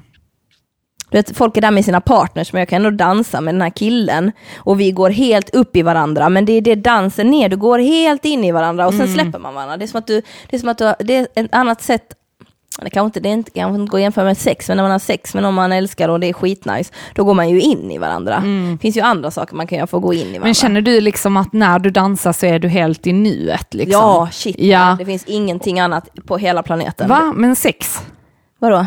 Känner du inte så om du har sex? Jo, men jag menar, du frågar när jag dansar. Ja, ja. Ja. Men, jag men jag trodde du sa det finns inget annat för, eh, på hela jorden där jag känner Nej, så. jag menar så här, nej, det är som meditation. Jag är ja. bara där. Ja, Det finns inget annat, det är det jag menar. Det är liksom, det, tiden står stilla. för så känner ju inte jag när jag dansar. Då tänker jag på annat. Ja. Ja. Men, Men jag vet att jag kan titta på folk som dansar och säga att de dansar, men då märker jag att de dansar inte för sig själva.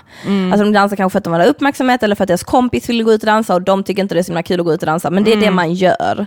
Men det märkte jag ju då, folk vill ju inte gå ut och dansa längre. De var ju inte ute för att dansa. Mm. Men det, jag, kan, jag kan ha liksom vissa tillfällen där jag tycker liksom att jag, jag menar, är ett med musiken och liksom det känns, alltså, jag menar, det känns typ som man bara flyter med i låten och är där och då. Men då måste det vara liksom att en av mina låtar spelas, att jag gillar den musiken. Men kommer det bara så här ny musik och olika låtar och jag känner inte igen någonting, då blir det inte att jag kan få den avslappningen. Och sen lägger jag märke till då om folk tittar och då blir jag ju obekväm. Så det var så. Ja. Men, ja, men det handlar ju om att inte komma ur det. Mm. Men det är typ som om man har sex till exempel och så plötsligt börjar man tänka på vad man håller på med eller vad man gör. Då får man ju typ be personen bara, hallå ta tillbaka mig, ta Mm, Ja, tillbaka mig in ja, i det. För nu, nu försvann jag i vardagliga tankar eller vad det nu än är, de här problemen som jag har. liksom. Precis, precis. Och att man måste hitta de här källorna Mm. som gör att man sugs in. Och därför tänker jag typ som erotik, varför det är så himla attraktivt för Mm. människor att, att leka med det är för att du hamnar i nuet. Mm. Liksom. Det är någon som drar in dig, någon kanske har kontroll över dig och ska bestämma exakt vad du ska göra. Det kan ju vara skitattraktivt för en person som har jättemycket kontroll i sitt vardagsliv. Om man kör sådana grejer till exempel, Mm. Ja, eller vad man nu önskar. Men hade du kunnat tänka dig att gå på sådana här eh, alltså sexklubbar till exempel? Alltså, Jag, jag vet inte, finns det ens i Sverige? Det finns borde det finnas. säkert. Ja. Det är bara att det är liksom, det är liksom en, en subkultur som är kanske lite mer undangömd eftersom att man vet att, att, Mm. att den är liten och att den kanske inte accepteras överallt. Liksom. Mm, Ehm, alltså jag, jag, jag jobbar liksom på att kunna känna mig befriad i min sexualitet med en annan person just nu. Mm. Att liksom våga uttrycka vad jag vill och, liksom, och våga vara mig själv till 100% i den här situationen. Mm.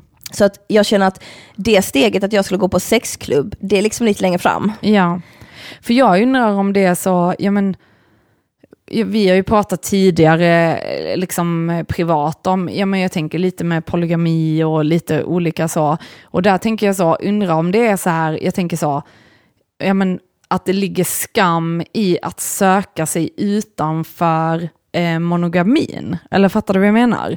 Att mm. det är mm. där, att det känns fel att du söker no efter något som inte är med den du är med, eller så gör man det tillsammans med den man är med, eller lite så här. Um, för även om vi har diskuterat liksom att ja, men en person kan omöjligt fylla alla dina behov. Liksom. För det första är det ditt eget ansvar att fylla dem. Och för det andra så liksom är, alltså, det finns ju inte en supermänniska som kan allt det där för mm. dig. Men det är svårt där, att som du sa nu, du har ansvar för att fylla ditt eget behov. Mm. Okej, okay, jag är med någon, den här personen uppfyller jättemånga av mina behov, jag älskar den här personen. Men den, den kan inte uppfylla detta behovet, så jag har ansvar för att fixa det här behovet. Om mm. det här behovet då är att jag vill ha sex på det här sättet och min partner säger nej, jag vill mm. inte det. Mm. Eh, liksom, betyder det, eller ska jag då inte mm. få uttrycka den delen av mig själv? Mm. För att du, Um, jag tänker att det är en rädsla från min part. Om den partner, om jag då säger, vi säger att det är så här, jag vill, um, jag vill Eh, jag vill dominera. Mm. Jag vill hälla stearin på dig. Eller jag tycker det är skitsexigt om jag får dominera dig. Mm. Och min partner bara, nej, jag vill vara dominant. Okej. Okay. Mm. Och då kanske jag kan gå med på det i några år och känna att det funkar. Men sen tror jag att det behovet kommer liksom komma ikapp. Och då tänker jag, mm. om du älskar mig och jag kan uppfylla det här behovet någon annanstans. Mm. Då måste, eller jag tror som partner att du måste vara villig att släppa din partner, för annars kommer ni göra slut. Mm. Oavsett om ett tag. Mm. Det kanske får vara ihop två år till. Men, men då där, liksom, det blir ja, inte samma. Jag, jag fattar vad du menar. Och men sen tänker jag så, just ja, men sexuellt, så tänker jag ofta att ja, men där kanske det är de kraven man gillar, eller alltså inte kraven.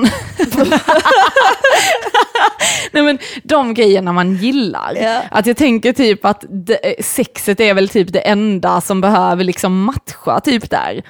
Eller alltså vadå, typ tänder du på sex med killar, ja men då kanske du inte kan vara ihop med mig. Eller fattar du vad jag menar? Ja. Alltså för att jag kommer aldrig kunna uppfylla det. Men om man är, alltså sen är det klart man kan älska varandra ändå och så. Men jag tänker ändå, säga att man uppfyller hela sexuella biten med sin partner liksom.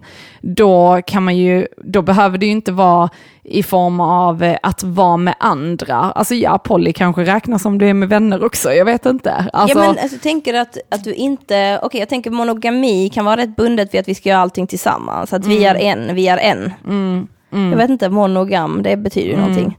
Men det är säkert att man är ett. Ja, det är säkert det. Men att man, man då blir ett, då ska man göra allting tillsammans och så. Och det, så såg det inte ut samhället innan. Då gick mm. man ju ut, killarna gick ut med sina kompisar, tjejerna gick ut med sina, eller att man hade mycket mer separat. Mm. Nu är det ju så här, semestern, klart man spenderar den tillsammans med personer man bor med och umgås med hela tiden.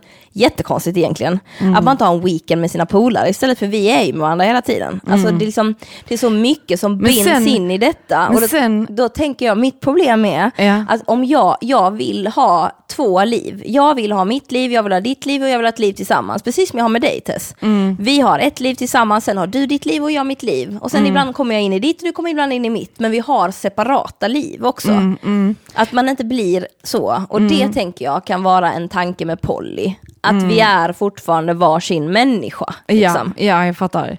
Sen tänker jag så att, jag menar, om du är alltså i ditt eget, eh, alltså du har ditt liv, för det tror jag också är skitviktigt i en monogam relation. Att man har sitt eget, man eh, liksom peppar varandra, man håller inte tillbaka varandra. Det är inte så här, jaha, ska du gå ut med dina tjejkompisar nu igen?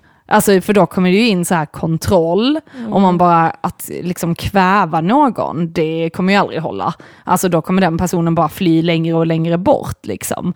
Men just det här med att att ha en vardag ihop, det är ju inte samma sak som att ha en semester ihop eller ha kul ihop. Alltså förstår mm. du vad jag menar? Nej, jag menar inte att man måste ha det ena eller andra, men jag tänker att man måste kombinera det lite. Ja, absolut, ja. och det håller jag med om. Men sen tänker jag sexdelen stannar stannar i Ja, relationen. om man känner så. Ja, om man ja. känner så. Ja. Absolut. Men jag fattar, alltså jag håller Det, också det, med. finns, liksom. det finns ju någonting att förlora på det, men det finns det ju alltid. Vi säger att man, man har en öppet förhållande och någon bekär någon annan, då blir de det. Men då skulle, jag tror ju att de skulle blivit det i alla fall då. Mm, ja, Alltså jag ja. ser inte det som att det, det och då tänker jag okej, om man undviker det så kanske man inte, man, det är inte lika stor chans eller Mm, risk liksom, att det skulle hända. Den kan jag förstå. Mm. Alltså mitt problem har ju snarare varit att jag inte har fått uttrycka mig själv sexuellt med mina tidigare partners. Eller Mm. jag känner att när jag gör det så blir det för mycket för dem. Jag vet inte om det är normen att kvinnor inte ska vilja ha sex så mycket eller att kvinnor inte ska vara så kåta eller vad fan det nu än är. Men det har alltid känts som att jag är ett problem, att min sexualitet är ett problem, att min lust är ett problem. Liksom. Och det Eh. är så konstigt för att, alltså helt ärligt, av många av mina tjejkompisar, jag tycker alltid att det är, alltså tjejen som vill mest. Alltså, och jag förstår inte, var kommer den här att männen är de som är så himla kåta hela tiden och vill hela tiden och åh stackars tjejen för killen är på hela tiden. För att helt ärligt, alltså om man tittar på, nu är vi ändå i 30-årsåldern och alltså av alla som har relationer så tycker jag det verkar som att det är hela tiden, ah, han vill inte ha lika mycket sex som jag. Och, alltså man bara så här, va? Mm. Sen tänker jag så här, om man, om man uttrycker det liksom, om man, nu, om man inte, alltså tänker det fara med att man bara tar upp saker med sina kompisar istället för att ta upp det med sin partner liksom. Men jag är helt med dig, jag känner typ, ehm, men jag tänker att det kanske har alltid funnits en underlig, sen tänker jag också här, män är väl som mest brunstiga mellan 16 och 23 typ. Och vi är som mest brunstiga vid 30. Alltså det klaschar ju totalt. Alltså de har ju redan kaninat sönder under hela sina 30 år och sen så kommer man där och man bara nu, nu vill jag ha det och de är helt slutkörda. Nej jag vet inte om det kan vara någon sån här grej liksom. Eller att man inte vågat säga det innan på samma sätt. Man kanske inte, man kanske onanerar senare i livet eller upptäckte vad man tyckte om senare. Det tänker jag är en jättestor faktor just i sex, liksom att du, vikten av att plisa dig själv, liksom. att förståelsen för att du måste veta vad du tycker om, du kan inte förvänta dig att någon annan, eh, som Petrina snackade om förra avsnittet, liksom, att du måste ta ansvar för din egen orgasm. Liksom. Ja, precis. Men jag tror också, klart för mig är det ju liksom upplevelser som jag tror kommer repetera sig i framtiden. Därför är jag ju livrädd för en relation, för att jag känner ju typ att åh, jag pallar inte det igen. Så att jag lever ju i framtiden på ett minne. Åh, nej, nu kommer det bli så igen att jag liksom, att han suckar när jag försöker ta initiativ och att bli nekad så Alltså mycket. det är ju det värsta som finns. Att, Uff. bli, alltså, att försöka ta ett närmande när man känner att jag är i desperat behov av närhet, Mm. av bekräftelse, av att bli älskad. Mm. Och den andra vänder ryggen till eller inte vill Mm. ha en. Det är ju fruktansvärt, särskilt då om man då är i en monogam relation där den enda platsen du faktiskt kan få detta, det är från den personen. Mm. Och nå, någonstans så vet ju den personen också det. Samtidigt som det är jobbigt för den som inte vill heller. För man vill ju inte heller tvinga någon som inte är sugen eller inte vill. Alltså, Så det blir ju liksom... Och ofta pratar man om denna situationen faktiskt när det gäller tjejer som inte vill.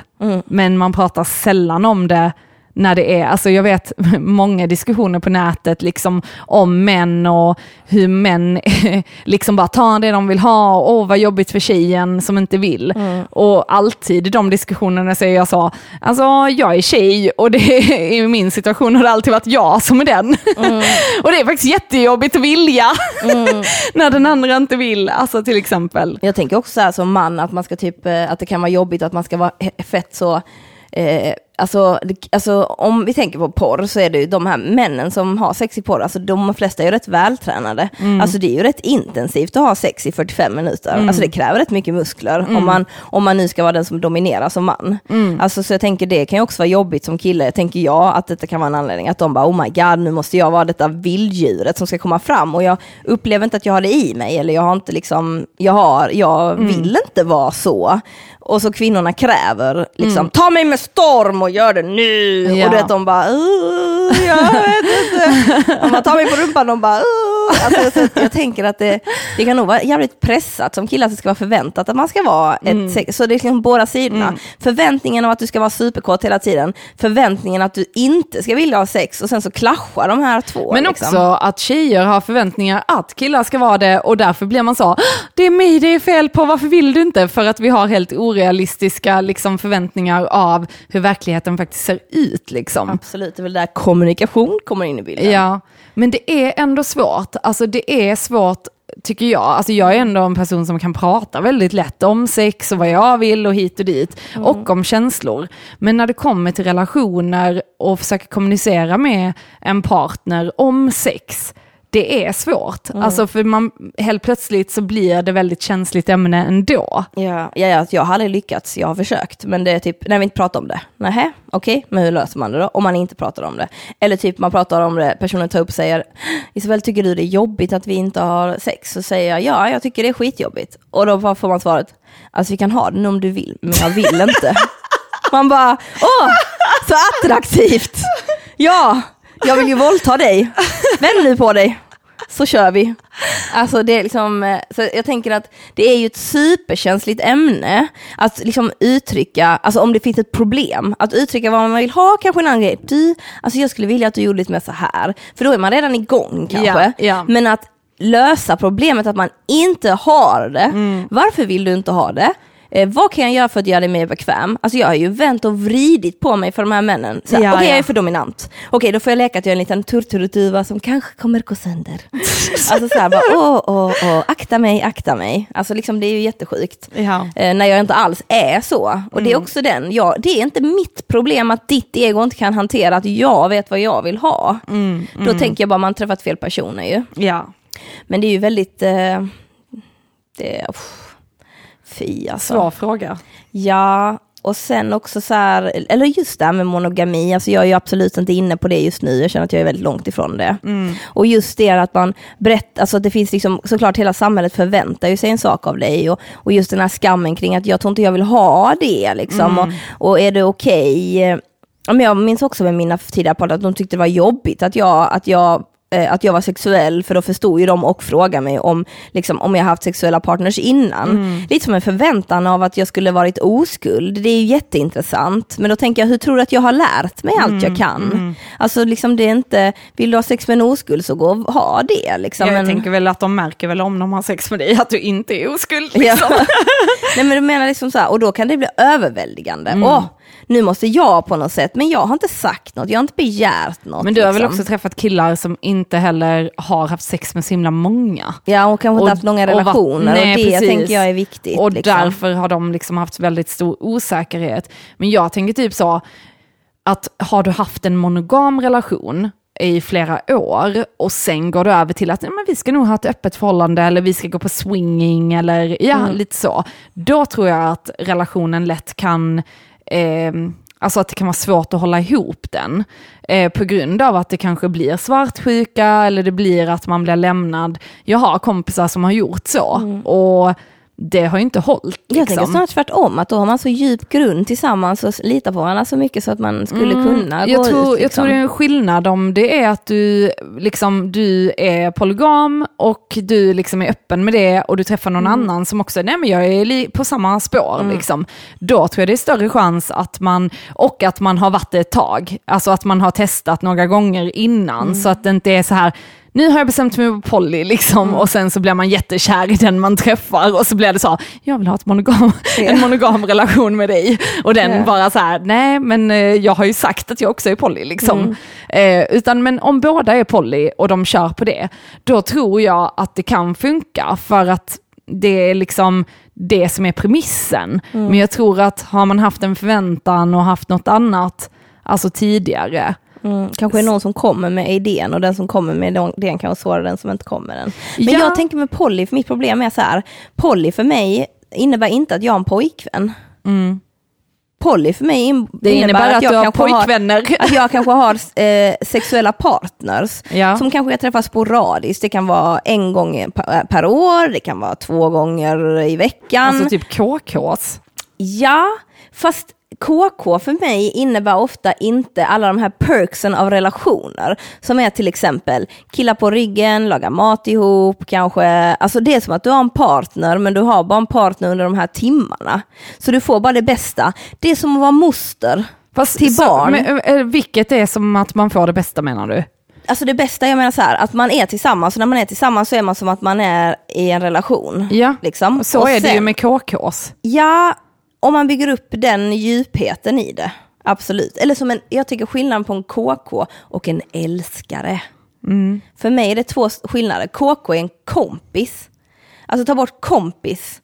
Ta bort pojkvän. Liksom bara så här, vi två, vi gillar att umgås och sen så är vi sexuellt attraherade av varandra. Och sen så är, det- behöver det inte vara mer än så. Vi ska inte bygga ett bo, vi ska inte tr- träffa varandras föräldrar, inget sånt. Utan bara så här, vi har det skitgött när vi är tillsammans och end of story. Liksom. Intressant, för jag tänker Polly är att du har pojkvänner. Jo men jag tror också det, att det är så. Men där att du tänk- träffar mm. kanske två eller tre samtidigt. Ja men jag tror att det är så, att man kallar det för det. Men jag vill, då tänker jag att det jag är Man kan kalla det dejta också.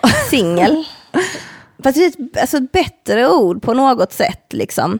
Att du har liksom, olika relationer som är pågående och sporadiska. Liksom. Men pojkvän, ofta för mig, innebär kravet. Ett Jag, ty- krav. jag tycker det är intressant för jag hade en klasskompis som träffade en kille som var poly. Och hon var också så här inne på det spåret att ja, men han beskriver det som att eh, det är som olika kryddor. Typ så, jag älskar curry, men jag älskar också kanel. Och du är curry, så du kan aldrig vara kanel. Och därför vill jag ha curry ibland, kanel ibland, peppar ibland, chili ibland, vitlök ibland. Att det är liksom, man vill ha alla olika smaker. Men du är bara en smak, så du kommer aldrig kunna vara alla smaker. Om man tar piffig allkrydda, jag vet inte. Ja. Nej men att det, det är på det sättet. Ja. Men sen så började de ju träffas och sen var det så, för hon bara var också väldigt så, nej men jag är också poly nu liksom och det är lugnt, jag dejtar honom. Och sen var det att han bara sa, du är tillräckligt med kvinna för mig, jag behöver ingen annan. Och så blev de en monogam relation och hon bara, ah, han behöver inte vara poly nu när han är med mig för jag är tillräckligt, och då är det så, du gick ju bara med på att vara fucking Polly för att han, alltså fattar du, att det var ju inte alls vad hon ville från början heller. Men det är också så intressant, men de skaffar barn ihop och sånt. Och jag, jag, Men jag tänker, alltså det är ju inget problem, alltså om någon av de här relationerna skulle leda till att relationen utvecklas i något annat håll, vad vi nu än vill kalla det, det är väl det som är så dumt. Så här, du är Mon och jag är Polly, jag är detta, jag är detta. Så här, jag, och jag tänker att om du är öppen och du träffar någon och sen så märker du, det är ju folk som har blivit tillsammans med sina KKs, fattat att de är kära i varandra Ja. och sen så är de kära i varandra. folk gifter sig när de träffas på Tinder. Ja. Alltså det är helt galet. Alltså, ja, helt vilt är det. Alltså 2019, helt crazy, helt crazy. Nej men liksom att man behöver inte bestämma så mycket. För om man vill fortsätta ses och så märker man att man gillar att träffas mer än en gång i veckan. Helt plötsligt umgås man varje dag så vill man inte gå ifrån varandra. Då fattar man väl det så kan det väl få vara okej. Mm. Ja, ja. Men det jag menar med så här att att så här, jag tycker ofta det kan bli så himla seriöst med dating. Alltså typ, eller för mig är det ju alltid det. Eh, Jag känner typ att det bara blir att folk vill vara ihop med mig, att de vill ha mig för sig själv. Och det är den känslan jag har problem med. Att någon, jag känner alltid att de vill låsa in mig. Att så här, nej Isabel, du får inte gå ut, eller jag vill, eller, jo du får gå ut och dansa men liksom Alltså det blir så mycket restriktioner, att jag känner typ att jag vet inte om jag hade kunnat utföra erotikafton om jag haft en pojkvän. Definitivt inte pojkvän nummer ett hade jag aldrig kunnat göra det det, är bara, jag tänker bara att det handlar om att du inte har träffat eh, rätt killar. Så Ja. tänker jag. För det är ju självfallet, man måste ju kunna få vara sig själv i en relation. Mm. Och får man inte vara sig själv i en relation, då är nog inte den relationen så bra, tänker jag. Men då menar jag också det här, det blir så här, man träffar någon och sen så går det tre månader, efter tre månader så säger personen så här, alltså är vi tillsammans eller? Och man bara, jag tror inte man ska behöva ställa den frågan tänker jag. Jag tänker inte att det ska finnas något, utan det ska bara vara så klart att vi är tillsammans, att man ska känna det båda två, att man vet det liksom. Sen efter kanske några månader, men det där menar att jag tycker det kan vara skönt med de här öppna sexuella relationerna som man kan ha i början, där man gör allting som man gör som ett par, så ser man om man diggar varandra. Sen behöver man inte prata så mycket och tänka på om vi ska bli någonting, för då tar man bort hela den ekvationen och om det då blir någonting så kommer det ju det. Jag tycker typ, alltså i och med att jag då är i en monogam relation, om vi nu ska definiera eh, vad jag vet. Nej men då kan jag känna liksom att, åh vad tråkigt det är. För då är det så, ja men i vår ålder, folk börjar gifta sig, folk skaffar barn, de börjar skaffa familjelivet. Och jag kan känna typ så, ja men fan, jaha, gud vad tråkig man är. Eller du vet att, jaha, nej jag vill inte ha några sexäventyr med andra människor. Eller fattar du vad jag menar? Och så även om jag nu inte vill det så kan jag känna så, åh gud vad jag är ointressant. Eller förstår du vad jag menar? Att det känns så här tråkigt. Känner mig som en grå Det är liten då man börjar med mus. rollspel Tess. Ja, jag får göra det. Bara, Ja. åh, vem är du Ja. på bussen? Okänd man. Ja man, vi sätter oss på femman och så åker vi fram och tillbaka, ser vi vad som händer. Man bara går fram till dig och bara, hej, vad heter du? Och du bara, Tess. Ja, det var faktiskt gulligt för i början när vi träffades, var, vi träffades vi på en buss också. Ja, vi får ta tillbaka det. Ja, ja. Mm. Ni får komma tillbaka. Babel får ni gå till. Han- Ja, du ska gå förbi honom tio gånger utan att han tittar på dig. Och sen ska en annan tjej dra iväg honom. Så ska... Ja, gud. Nej, nu tycker jag att det är dags att avsluta, även om eh, vi hade kunnat prata i evigheter om Ja, detta. verkligen. Ja. Ja. Men det var skitnice. Ja, Mm. eh, och innan vi avslutar ska vi även eh, påminna om att vi har en Patreon som man jättegärna får stötta oss på. På patreon.com psykakuten. Eh, och där är man välkommen att lägga ett valfritt bidrag. Mm. Mm, och Damelo to dinero, ge oss li- lite pengar. Ja, och gilla gärna vår podd på Facebook om ni gillar den och lyssnar på den. Så varför inte slänga in en gilla-markering där? Yes. Och ge den gott omdöme och tipsa era vänner. Mm. Och skicka lite ljus och kärlek till oss och alla som lyssnar ikväll. Ja, definitivt. Härligt. Okej, tack och hej.